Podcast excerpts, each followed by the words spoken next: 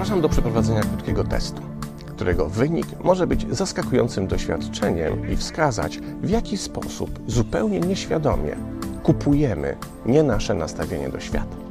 Ale najpierw przyjrzyjmy się mechanizmowi, w którym powoli, ale za to konsekwentnie przesiąkamy sposobem widzenia świata tych, z którymi spędzamy relatywnie dużo czasu. W pewnym eksperymencie próbowano ustalić, w jaki sposób reagują ludzie wobec zmasowanego i skonkretyzowanego zachowania innych. Idący ulicą człowiek nagle dostrzega biegnący w jego stronę tłum. W większości wypadków, bez zastanowienia, również zaczyna biec. To zjawisko nazywane jest owczym pędem i bardzo często działamy zgodnie z nim, kompletnie nie zdając sobie z tego sprawy. Inni bowiem mają na nas niewiarygodnie duży wpływ. Odpowiednio często atakowani przez określone idee, prędzej czy później zaczynamy się z nimi utożsamiać. Kiedyś bardzo zły człowiek powiedział: Kłamstwo powtarzane po tysiąckroć staje się prawdą. I mimo, że zarówno zły człowiek, jak i złe czasy odeszły w zapomnienie, jego słowa wciąż szokują swoją trafnością. Przekładając to na współczesny język, moglibyśmy powiedzieć, że treści, którymi odpowiednio często jesteśmy epatowani, programują nasze postrzeganie świata w określony, zgodny z tymi treściami sposób.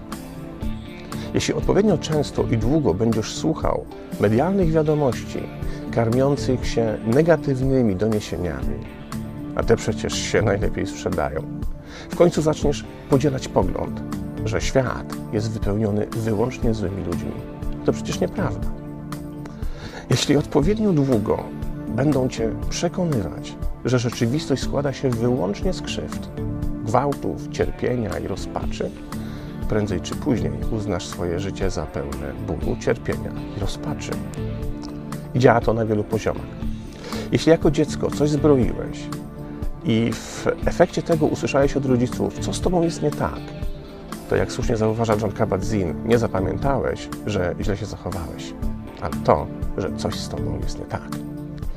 To zawsze bezpośrednio uderza w poczucie własnej wartości i nie uczy, by w przyszłości zachować się lepiej, ale wyłącznie tego, że jesteśmy gorsi od innych. Niestety, czy nam się to podoba, czy też nie, jesteśmy nieustannie programowani przez innych, a tym silniej to działa, im mniej zdajemy sobie z tego sprawę. Za każdym razem, kiedy słyszymy negatywną ocenę sytuacji czy osoby, uczymy się tej samej negatywnej oceny. W pewnym eksperymencie nauczycielka uczniów w jednej klasie za wszystko chwaliła, podczas gdy w innej klasie za dokładnie to samo uczniowie byli ganieni. Wiesz co się stało? Po kilku miesiącach średnia ocen w chwalonej klasie znacząco wzrosła, podczas gdy w drugiej spadała. Tak działa samo spełniające się proroctwo. Stajemy się tacy, za jakich jesteśmy uważani przez innych. Jeśli będziesz komuś przez dłuższy czas wmawiał, że jest debilem, to w końcu nie tylko w to uwierzy, ale też zacznie zachowywać się jak debil. Jeśli przez dłuższy czas otaczasz się ludźmi, którzy wszystko widzą w czarnych barwach, to kolor Twojej percepcji rzeczywistości również stanie się czarny. Randy Gage mówi wprost: Jeśli chcesz dokonać w swoim życiu zmiany, to najpierw sprawdź, z jakimi pięcioma ludźmi najczęściej się spotykasz i jakie od nich dostajesz programy. Jeśli bowiem jesteś nieustannie negatywnie programowany, to szansa na to, że w Twoim życiu dokona się jakakolwiek pozytywna zmiana, spada do zera. Jeśli przychodzisz do swoich przyjaciół z pomysłem na zmianę, na przykład na to, że chcesz się zacząć uczyć fińskiego i usłyszysz od nich, że to język, którego się nie da nauczyć, to najprawdopodobniej zrezygnujesz z tego pomysłu. Jeśli od dziecka słyszysz od najbliższych, że nie nadajesz się na gwiazdę roka, to musisz wykazać się dużą determinacją, by pomimo tego godzinami ćwiczyć gitarowe riffy. Programy piszą się w naszej głowie każdego dnia, na każdym spotkaniu, w każdej sytuacji. I wyłącznie od nas zależy, czy poddamy się ich działaniu i czy uwierzymy, że są prawdziwe. Jak to jednak zrobić, by się im oprzeć i by przestały decydować o naszym życiu za nas? Otóż i tutaj kluczem jest świadomość. musisz uświadomić sobie, co jest programem, a co Twoimi własnymi myślami. Musisz dostrzec, jakie programy i od kogo otrzymujesz, żeby móc powiedzieć: O, znam to, to program jest, nie chcę tego. Żeby nauczyć się świadomości, czy jak moglibyśmy inaczej powiedzieć, rozpoznawania programów, musisz nauczyć się lokalizować ich wzorce. Bo programy nigdy nie działają jednorazowo. By mogły odnieść skutek, muszą być tłoczone do naszej głowy wiele razy i to zazwyczaj w tej samej sekwencji.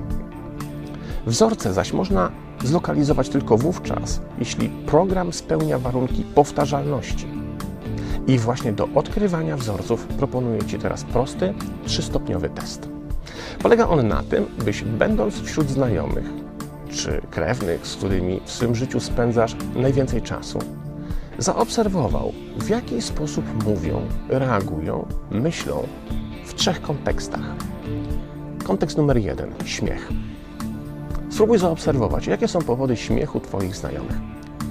Z czego się śmieją? Co ich bawi? Co stanowi powód, dla którego stają się rozbawieni?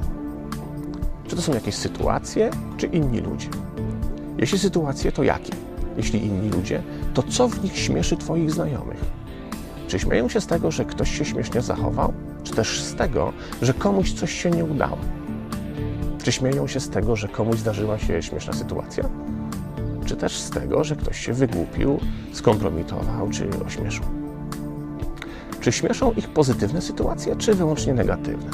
Czy śmieją się wyłącznie z kogoś czyichś przywar, porażek, potknięć, czy też potrafią się również śmiać z samych siebie? Oczywiście jednorazowa obserwacja niczego ci nie powie. Wszyscy przecież czasem śmiejemy się z tego, że ktoś miał przeskoczyć przez przeszkodę, przywalił e, obliczem w krowi placek. Tu nie o taką obserwację chodzi. Tutaj chodzi o odkrycie wzorca wskazującego, że ktoś śmieje się wyłącznie z cudzych wpadek, niepowodzeń czy kompromitacji.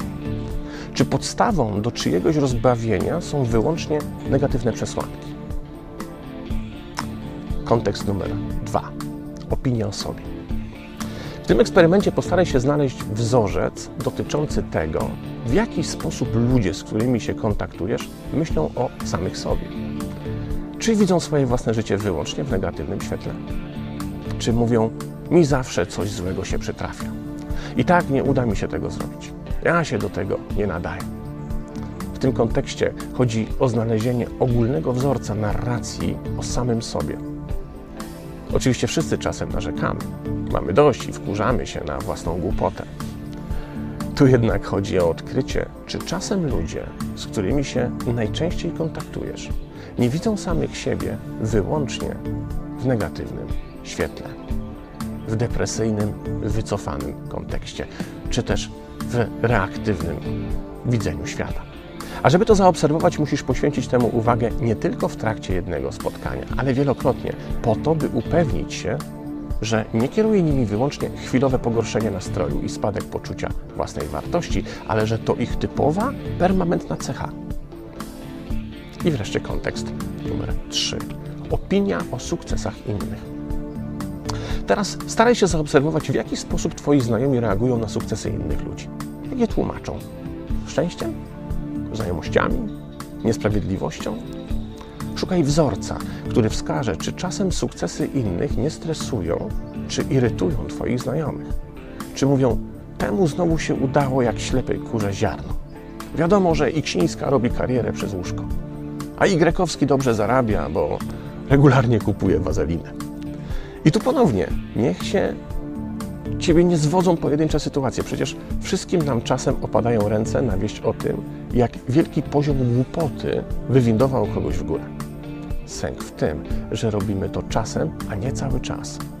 Zaś wzorzec ma posłużyć do tego, byś odkrył właśnie taką stałą opinię, w których Twoi znajomi twierdzą, że nikt nie zasługuje na jakikolwiek sukces.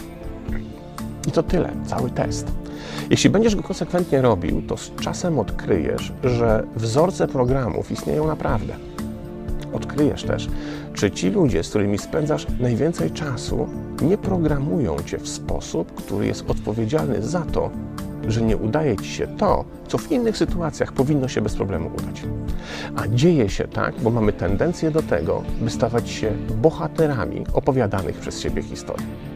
Jak mówi Joseph Murphy, stajemy się tym, co zaprząta nasze myśli przez większość czasu. W ten sposób powstaje rzeczywistość.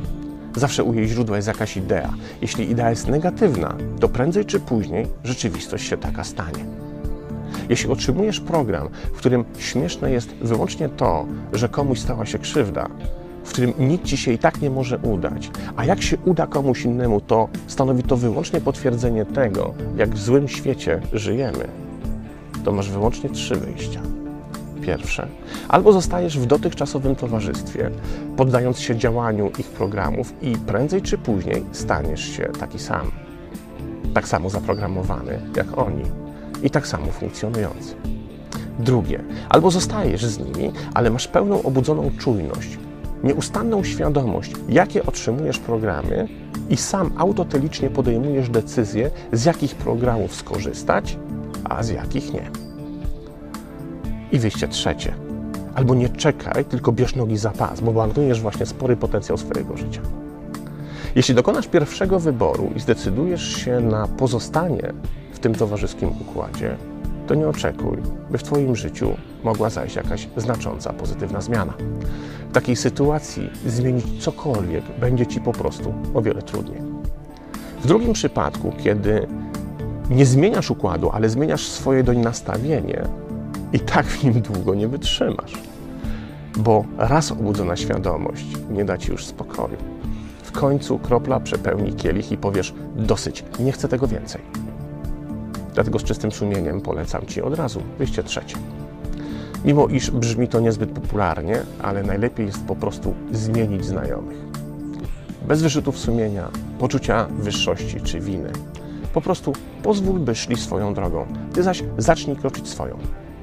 A zobaczysz, jak szybko wszystko wokół zacznie się zmieniać. A jeszcze jedno. Skoro już wykonasz ten trzystopniowy test i odnajdziesz lub nie poszukiwane wzorce, to teraz sam sobie odpowiedz, jak ty byś zdał taki test, gdyby robili go na tobie twoi znajomi? Uczciwie sobie odpowiedz, jak ty programujesz innych? Na jakich ideach budujesz swój stosunek do świata? Jeśli znalazłeś negatywne wzorce w sobie, to wyłącznie dobra wiadomość. Teraz już wiesz, co powinieneś w sobie zmienić. Pozdrawiam.